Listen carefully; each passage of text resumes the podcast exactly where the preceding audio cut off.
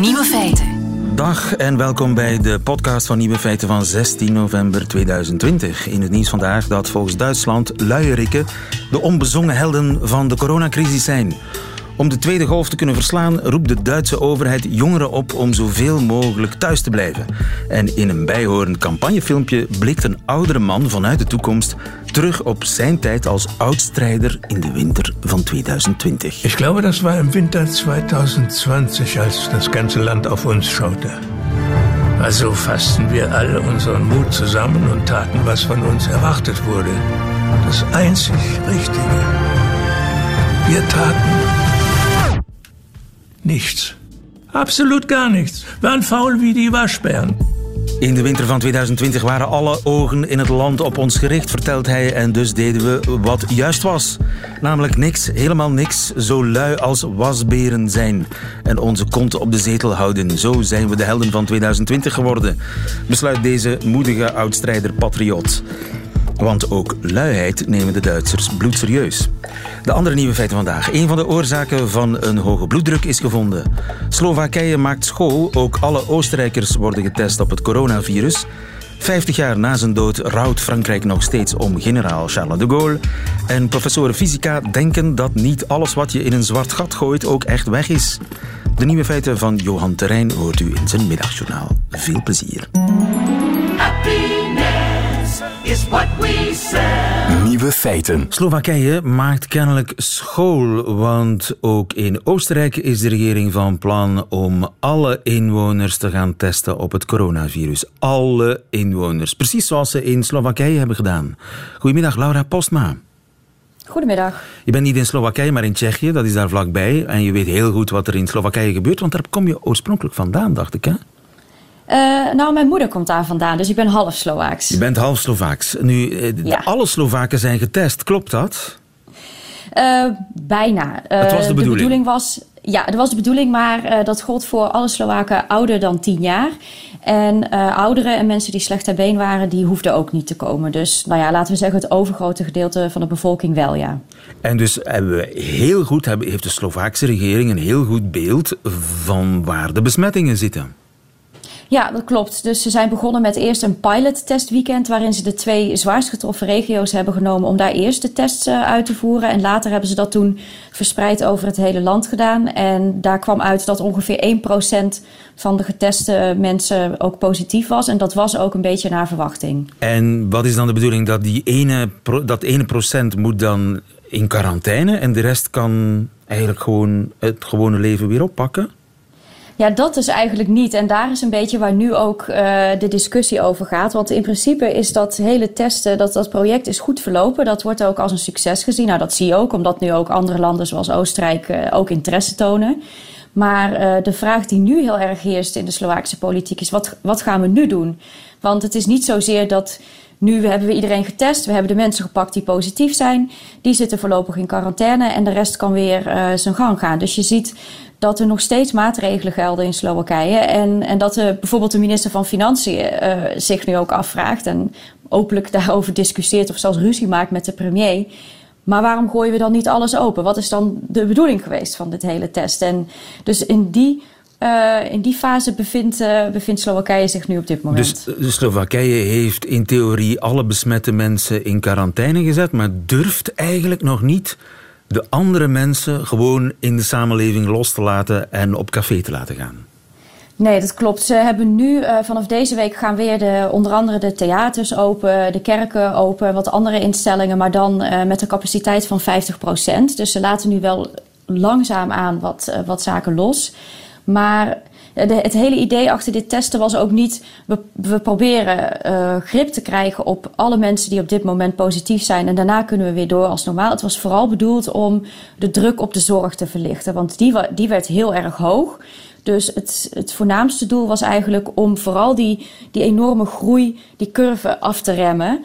Maar er liggen nog steeds mensen in het ziekenhuis. Uh, die, dat, dat aantal neemt ook nog toe. Mensen op de IC. Dus het is nog niet voorbij. En in die zin kan daarom ook niet meteen het land uh, weer open worden gegooid. Juist, ja. En die uh, grote testing, wanneer is die gebeurd? Een week geleden? Twee weken geleden?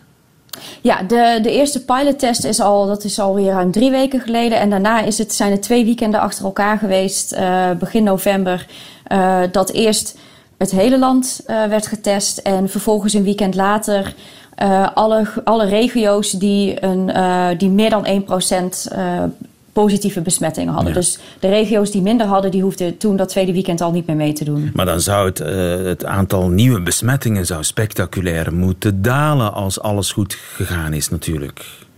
Is dat ook zo? Ja, ik, ja, spectaculair durf ik niet uh, in de mond te nemen. Je ziet wel zeker een daling in het aantal uh, besmettingen.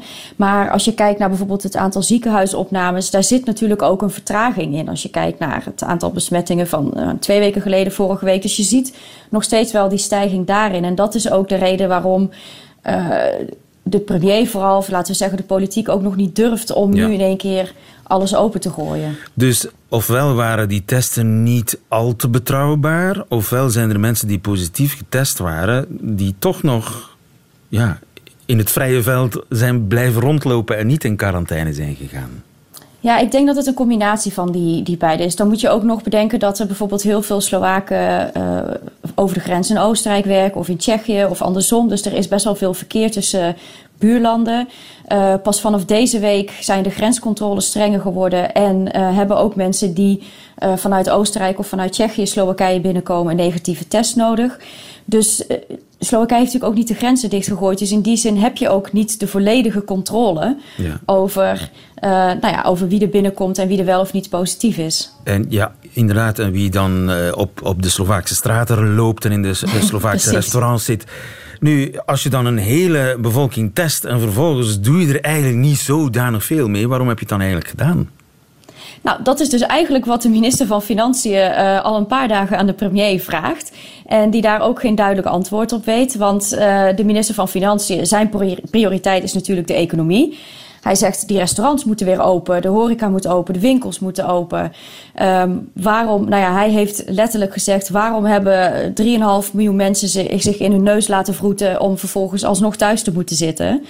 En uh, ja, en de, de premier antwoordt daarop, omdat we het nog steeds niet helemaal onder controle hebben. Dus zijn de, de antwoord, het antwoord van de premier is, nou, we hebben in ieder geval die groei af kunnen remmen. We hebben de zorg wat kunnen verlichten. Maar uh, tovermiddel is, is het niet gebleken. Het tovermiddel niet. De noodtoestand is nog verlengd. Uh, nog niet alles is open. Mensen kunnen nog steeds niet naar het café. Dus voorlopig is het niet uh, dat, dat Europa op slot zit en Slowakije in het restaurant. Ja, niet helemaal een, een onverdeeld succes dus. En als het nagevolgd wordt, dan misschien op een paar details toch beginnen letten en een bepaalde verbeteringen aanbrengen, lijkt mij uh, een goed idee. Laura Postma in Praag voor ons. Dankjewel. Goedemiddag. Graag gedaan. Nieuwe feiten.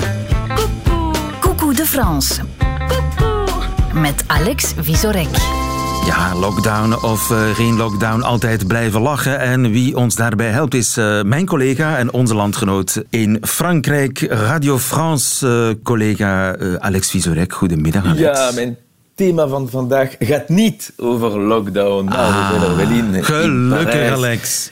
Goedemiddag, lieven. En ik zal starten met een kleine quizvraag voor jou. Weet je wie wij hier horen? Je vous ai compris! Aha, je vous ai compris. Dat, dat weet ik. Dat is Charles de Gaulle. Ja, tien punten voor u. Charles de Gaulle, le général de Gaulle. 2020 is echt zijn jaar, want het is de 130ste verjaardag van zijn geboorte. Okay. De 80ste verjaardag van zijn historische oproep L'Appel du 18 juin.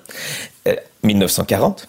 Aha. En vorige week de 50ste verjaardag van zijn overlijden. Wel, wel. Een heel symbolisch jaar voor de Fransen. Charles de Gaulle is de grootste Fransman van de 20e eeuw, zowel in lengte, hij was uh, bijna twee meter, maar natuurlijk ook in aura, een echt held. In 1940, toen uh, Maréchal Pétain besliste dat Frankrijk moest collaboreren met Duitsland, was het de Gaulle die op 18 juni dus de Fransen opriep om met hem in opstand te gaan. Hij werd leider van de Vrije Fransen. Vier jaar later kwam hij als een winnaar in Parijs aan. Paris, Paris outragé, Paris brisé, Paris martyrisé, mais Paris Ja, een gebroken Parijs, maar een bevrijd Parijs. Ja, een phrase très célèbre en France. Hij hielp Frankrijk het leven terug op te nemen na de bevrijding en verdween dan uit de politiek. Maar in 58 kende Frankrijk een diepe politieke crisis. De Algerijnse oorlog liep uit de hand. En wie werd er gebeld om de situatie te redden? Aha. Le général. Dan uh, sprak hij zijn historische Je vous ai compris uit. Hij kreeg ook de volmacht om een grote stadservorming in Frankrijk uit te voeren, La Cinquième République. Natuurlijk vreesden veel mensen dat hij zijn volmacht zou misbruiken. Est-ce que j'ai jamais attenté aux, répu- aux libertés publiques fondamentales Je les ai rétablies. Pourquoi voulez-vous qu'à 67 ans, je commence une carrière de dictateur Ja, hoe denk je dat ik op, op 67-jarige leeftijd nog een carrière zou ambiëren als dictator? Dat zal ik toch wel niet Hij- doen. Nee, maar hij zou wel presidentiële verkiezingen invoeren en dan de eerste verkozen president worden. Een president met autoriteit, maar ook veel humor, u heeft het gehoord. Bijvoorbeeld als er vragen over zijn gezondheid kwamen. Je ne vais pas mal, mais rassurez-vous, un jour je ne manquerai pas de mourir. Ja, ik voel me niet slecht, maar wees gerust, ooit zal ik wel eens doodgaan. Ja, dat is het. Eh, en hij heeft zich aan die beloften gehouden. Maar hij was vooral president met een stijl en een visie. La France ne peut pas être la France sans la grandeur, schreef hij. Dat is eh, wat wij nu het gaullisme noemen. Een sterke nationale republiek, eenheid en een sterk presidentschap. Hij wilde geen president zijn die chrysanthemen eh, gaat neerleggen. Eh, Je ne veux pas déposer les chrysanthèmes. Een interessante contrast, want eh, wat heeft Emmanuel Macron vorige week de hele tijd gedaan tussen het eerbetoon aan de Gaulle en 11 november? Precies, ja. chrysanthemen graven. Maar Macron was niet de enige Franse politicus die hulde gebracht heeft aan Charles de Gaulle. De vraag is eerder, wie heeft dat niet gedaan? Elk jaar op 9 november komen alle Franse politici naar het graf van Charles de Gaulle. Je moet bijna een ticketje nemen eh, aan aanschuiven, zoals bij de slager. Hij maakt, het maakt niet uit of ze van rechts of van links zijn, of communist, of zelfs extreem rechts. Charles de Gaulle was hun spirituele vader en zijn naam hoor je dan ook heel vaak vallen. Dans la vie politique française, le point de Gaulle est une sorte de point Godwin à l'envers. Il permet de clouer le bec à l'adversaire en convoquant les heures les plus lumineuses de notre histoire. Ja, Le Point de Gaulle, dat is een soort... Je hebt de wet van Godwin, die zegt dat Ja. elke online discussie, als ze maar lang genoeg duurt, eindigt in een vergelijking met de nazi's en Hitler. En dan heb Ja. je Le, Le Point de Gaulle, dat is een soort... Le eh, point de Gaulle. Ja, als een politicus maar lang genoeg spreekt, zal hij of zij zeker een vergelijking met de Gaulle maken. Je kan bijvoorbeeld zeggen dat eh, de generaal jouw grote voorbeeld is en dan kan niemand jou bekritiseren. Of je kan ook tegenstanders aanvallen met een knipoog naar de Gaulle. Tijdens een campagne wilde François Fillon zijn tegenstander Nicolas Sarkozy aanvallen, want Sarkozy had al wat gerechtelijke problemen gehad. Qui, qui imagine un seul instant le général de Gaulle mis en examen Ja, stel, stel dat voor. Charles de Gaulle die ondervraagd moet worden door de politie. Onmogelijk. Maar een paar maanden later werd dezelfde François Fillon aangeklaagd omdat hij een fictieve job had gegeven aan zijn vrouw. Daar moest de socialist Manuel Valls dan weer hartelijk om lachen. Vous imaginez le général de Gaulle employant euh, Tante Yvonne euh, euh, à l'Élysée Ja, zou, zou Charles de Gaulle Tante Yvonne hebben te werken? Tante Yvonne, wie is. Tante... Ah, dat was zijn vrouw. Ah, ja, ja. Tante Yvonne. De ja, Yvonne de Gaulle en zijn bijnaam was Tante Yvonne. En zelfs tijdens de coronacrisis is de Gaulle meer dan ooit aanwezig. Vous croyez que le général de Gaulle aurait fermé les commerces et les librairies? Est-ce que le général de Gaulle aurait livré la France à Amazon? Charles de Gaulle? Ja, eh, eh, hij- zou hij Frankrijk aan Amazon eh, gegeven hebben? Dat weet niemand, maar de Fransen zullen altijd denken dat hij het wel beter had gedaan. 50 jaar geleden, toen de Gaulle overleed, verklaarde Georges Pompidou, zijn opvolger, La France est veuve, Frankrijk is een weduwe. En 50 jaar later is die weduwe nog steeds aan het trouwen. In Frankrijk is voor ons eh, Alex Visorek. Dankjewel, goedemiddag. Bedankt. Radio 1. Nieuwe feiten. Lieven van den Houten. Heeft u soms last van hoge bloeddruk? Dan heb ik misschien wel goed nieuws voor u. Want een van de oorzaken van hoge bloeddruk is gevonden. En wel door Harald Schmid. Goedemiddag, meneer Schmid. Goedemiddag. Harald Schmid, je bent farmacoloog aan de Universiteit van Maastricht. En samen met eh, uw collega's heeft u onderzoek gedaan naar de oorzaken van hoge bloeddruk. Kenden we die oorzaken eigenlijk nog niet? Helaas nog niet. Uh, tegenwoordig behandelen we alleen het symptoom. Wij uh, geven geneesmiddelen die die bloedvaten verwijden. Maar dat is geen behandeling van de oorzaken. Wij nemen alleen die symptoom weg.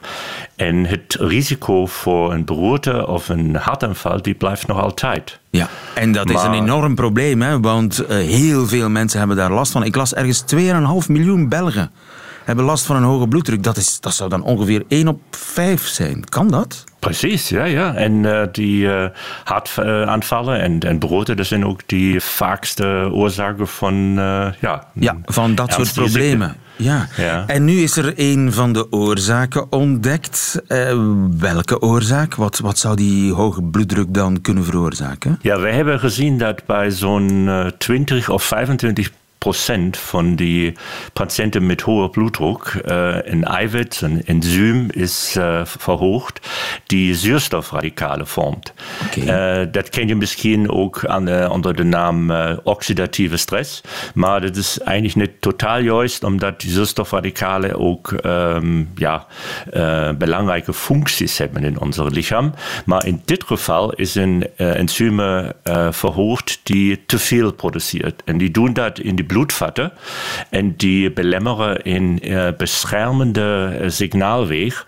En daardoor uh, vernauwen zich die bloedvatten en ja, komt hoge bloeddruk te staan, maar ook het risico voor beroerte en hartaanvallen. Oké, okay, dus er is een, een teveel aan een bepaald eiwit en dat Ja. teveel aan, aan dat bepaald eiwit verstoort als het ware het alarmsysteem dat het lichaam moet waarschuwen tegen te nauwe slagaders. Ja, precies. Of een signaalweg die die slagaders normaal verwijden. En dat kan dan niet meer gebeuren, dus dan vernauwen zich die slagaders. Maar dat zijn in principe details. Maar het is uh, voor de eerste keer echt een, een oorzaak gevonden. Dus we kunnen nu die oorzaak behandelen. En uh, dat systeem is uh, in muizen uitgetest. Hè? Dus u heeft muizen. Hoe heet het eiwit? Het eiwit is het niet NOx5? NOx5, ja. ja. ja. Dus jullie hebben NOx5 aan muizen gegeven en kregen die dan een te hoge bloeddruk? Nou, dat is geen, dat is geen uh, voeding-eiwit wat we geven. Dat is een geen um, dat muizen niet hebben.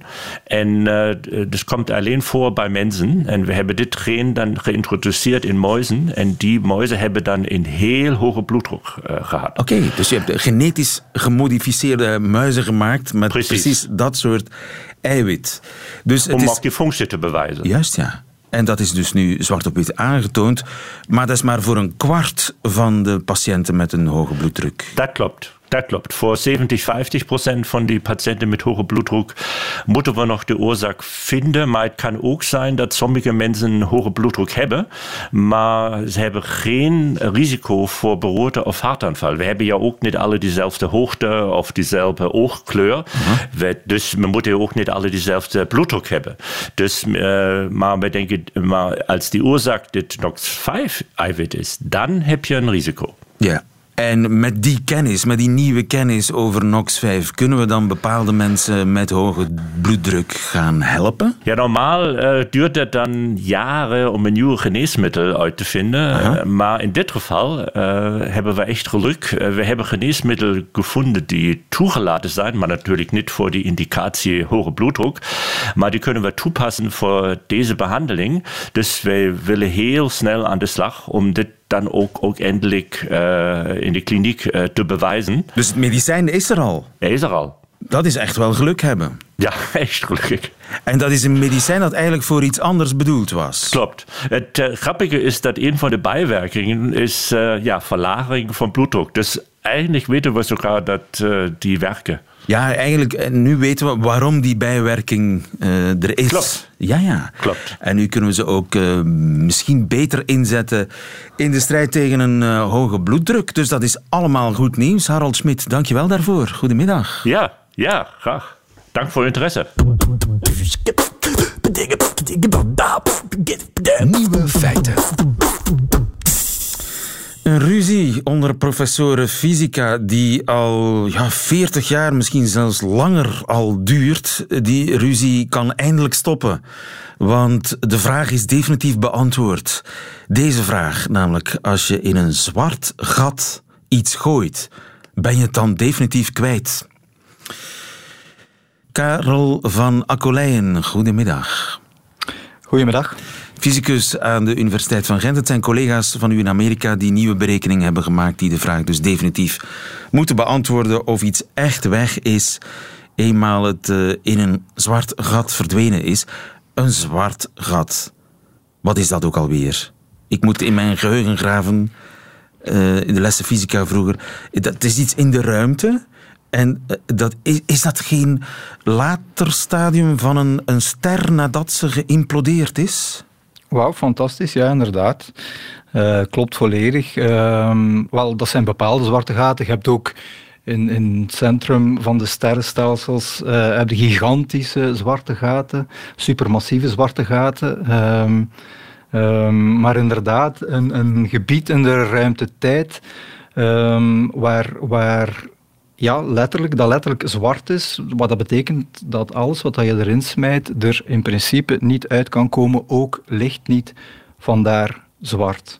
Zelfs maar, het licht wordt opgeslorpt. En het is in de exact. meeste gevallen een, een, ooit een ster geweest die ingestort is, die geïmplodeerd is. is. Is dat eigenlijk een ding ook, een zwart gat? Of is dat ja, alleen een dat gat? Dat is een ding. Uh, uiteraard is dat een ding. Uh, net als dat alles in de natuur uh, op een of andere manier een ding is. Um, het is op de eerste plaats, uiteindelijk, was het een theoretisch iets. Hè? Um, en Um, dus je bedoelt eigenlijk dat het op dit moment louter iets theoretisch is, want ja, niemand heeft een zwart gat ooit gezien of gefotografeerd. Oh nee. Oh nee, nee, nee, nee, dat wou ik zeker niet zeggen. Het was in de eerste plaats een theoretisch ding. Het is vandaag, een dag zeker, vandaag de dag zeker een fysisch ding. Er is wel een foto van genomen, enkele uh, uh, jaar geleden um, was er de spectaculaire foto genomen door de Event Horizon telescoop van het supermassieve zwarte gat uh, M87. Ja. En um, dat is dus dan ja. iets dat tegelijkertijd superklein en heel, heel, heel erg zwaar is. Wat zo klein is die M87 niet. Die is ongeveer zo groot als ons zonnestelsel. Oké. Okay. Um, ja, iets, van een miljard, iets van een miljard zonnen zwaar. Hm? Een maar miljard dan, zonnen zwaar. Gat. Exact. Jeetje. En dus alles wat daar enigszins in de buurt komt, wordt daar onherroepelijk toe aangetrokken en daardoor verpulverd. Ja. Um, Exact. Maar dan, um, waar het nu over gaat, is uh, ja, dat er toch blijkbaar zaken uit dat zwart gat terug naar buiten komen. En dat is uiteindelijk wat Hawking, Stephen Hawking, in de jaren 70 heeft aangetoond met zijn fantastische berekening van de zogenaamde Hawking-straling. Hij toonde aan dat wanneer dat je kwantumfysica erbij betrekt, dus wanneer dat je kwantumfysica rond een zwart gat doet, uh, wel dat blijkt dat zo'n zwart gat zal verdampen, er komt daar straling uit met een welbepaalde temperatuur. Zijn temperatuur, de temperatuur van Hawking, de temperatuur van het zwarte gat natuurlijk, maar dus, dus zijn formule uh, staat trouwens op zijn graf gebeiteld in uh, Westminster Abbey. Ja. En okay. dan, dan waren er anderen die het daar niet mee eens waren? Nee, nee, niet zozeer. Dus dat staat echt vast. Maar dan is de vraag, oké, okay, zo'n zwart gat verdampt dus uiteindelijk. Dus alles wat, wat, eh, wat we daarin smijten, komt er op een of andere manier uit. Hè? Opnieuw, het verdampt. Um, wat gebeurt er met de informatie? Hè? Stel je voor, uh, je smijt daar een uh, encyclopedie in, of je smijt daar een hoop dwaze stenen in. Een wasmachine. Een wasmachine Stel, kan ook. Je gooit er een wasmachine in. Ja. Ja, op zich, oké, okay, dat zwart gat wordt een beetje groter. De informatie, wat dat je daar juist hebt ingesmeten, is weg. Geen probleem, dat zit in een zwart gat. Maar nu zegt Hawking, ja, maar ja, een zwart gat gaat verdampen. Dus uiteindelijk zou die informatie daar terug moeten uitkomen. Zit er informatie in een wasmachine? Ga ja, uiteraard. Je kunt dat zien als één groot microscopisch bouwplan. Um, atoom per atoom, molecule per molecule, moet dat wasmachine in elkaar gepast worden. En dus in die zin zit er heel veel informatie, misschien geen nuttige informatie, maar er zit heel veel informatie in een wasmachine. Ja, en die, die informatie, dat is de kwantumfysica. Exact. Dat is eigenlijk het bouwplan van de fysica. Zo kan je het zien. Zoiets. En dus dat bouwplan, wat gebeurt daarmee als je dat in een zwart gat gooit? Die hele wasmachine. Dat is eigenlijk de kwestie. Ja, dus die hele wasmachine die wordt uit elkaar um, gereten uh, door de heel sterke zwaartekracht die dat je daar krijgt. Hè. Maar de vraag is, oké, okay, je zwart gat verdampt. Ja? Um, kunnen we op een of andere manier die informatie, dus niet de machine zelf, maar kunnen we de informatie die aan die wasmachine hing, als het ware, kunnen we die reconstrueren? Vergelijk het um, met, laat ons zeggen dat we ons wasmachine niet in het zwarte gat smijten, uh, maar dat we het uh, wel heel onecologisch verbranden. Ja. Dan, praktisch natuurlijk, is die informatie ook weg. Hè? Maar dus principieel weten we, doordat we de fysica van verbranding, kwantumfysica, doordat we die kennen, weten we dat die informatie daar toch ergens is in de um, verbrandingsgassen, in de assen van de wasmachine, zit die informatie nog altijd op een of andere manier vervat. Ja, omdat de theorie zegt, niets gaat verloren. Voilà. Behalve dus misschien in een zwart gat. Dat was de hele kwestie. Exact. Dus bij een zwart gat ligt het moeilijker, want... Um, uit Hawking zijn berekeningen volgde, oké, een zwart gat straalt, verdampt, maar evengoed volgde uit zijn berekeningen, wanneer dat je die toepast, Hawking paste die toe, maar heel veel mensen na hem, leek daaruit te volgen, die informatie is verloren. En dan zitten we in een probleem, want dan lijkt het alsof de kwantumfysica, waarvan we denken dat die universeel is, wel, die lijkt niet op te gaan bij een zwart gat. Aha. Er klopt ergens niet in de, in de theorie, was dan de hele kwestie. Ja, en dus essentieel heb je twee opties. Ofwel is die kwantumfysica inderdaad niet overal geldig zoals we denken, of er is daar um, een kwantumzwaartekracht, dus de zwaartekracht die op een kwantummanier werkt. En dat, dat, is natuurlijk heel ingewikkeld, heel raar wanneer ik dat zo zeg, maar oké, okay, dat moet je even aanvaarden. Dus een zwaartekracht die op een kwantummanier werkt, die toch op een of andere manier ervoor gaat zorgen dat de informatie uiteindelijk behouden blijft, dat je die informatie terug kan reconstrueren uit dat verdampte zwarte gat. Ja, en wie heeft er nu gelijk? Waarschijnlijk de tweede, het tweede kamp. Um, en, en, um, dus die informatie dat, is niet weg?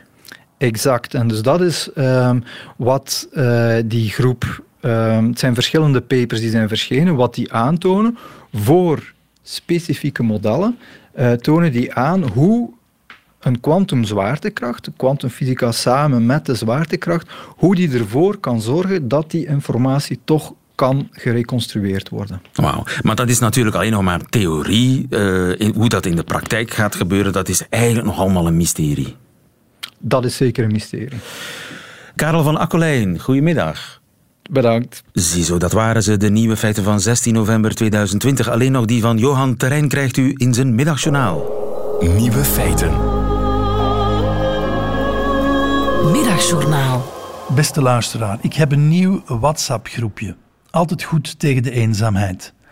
Terwijl ik de meeste WhatsApp-groepjes op dempen zet doorheen de week en me dan in het weekend wat bijlees, is dit nieuwe WhatsApp-groepje van een ander kaliber. Het verenigt namelijk mensen die ik sprak in mijn podcast Het Uur Blauw.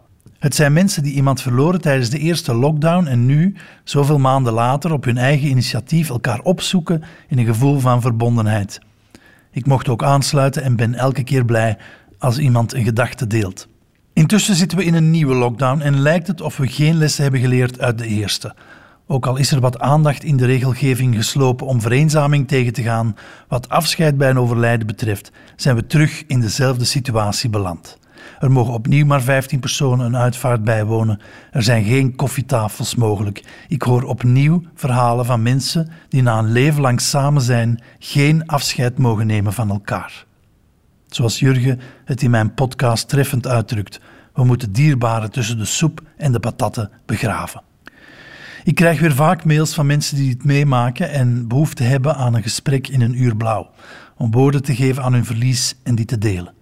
Nu kan ik veel, maar ik kan niet elke ochtend met iemand anders gaan wandelen, dat begrijpt u ook. Dus bedacht ik een doe-het-zelf audiowandeling van het uur blauw die je kan downloaden op mijn site. En verder zal ik mijn kleine steentje bijdragen wanneer we weer mogen samenkomen met mijn theatervoorstelling van het Uur Blauw. Zo schreef Dirk in onze WhatsApp-groep.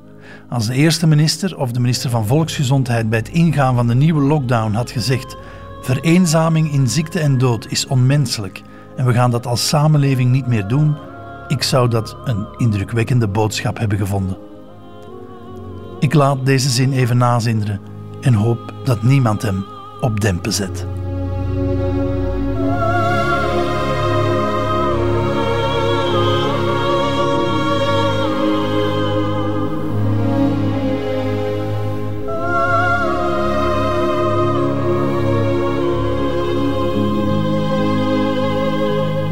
Het middagjournaal met en van Johan Terrein. Einde van deze podcast hoort u liever de volledige uitzending van Nieuwe Feiten.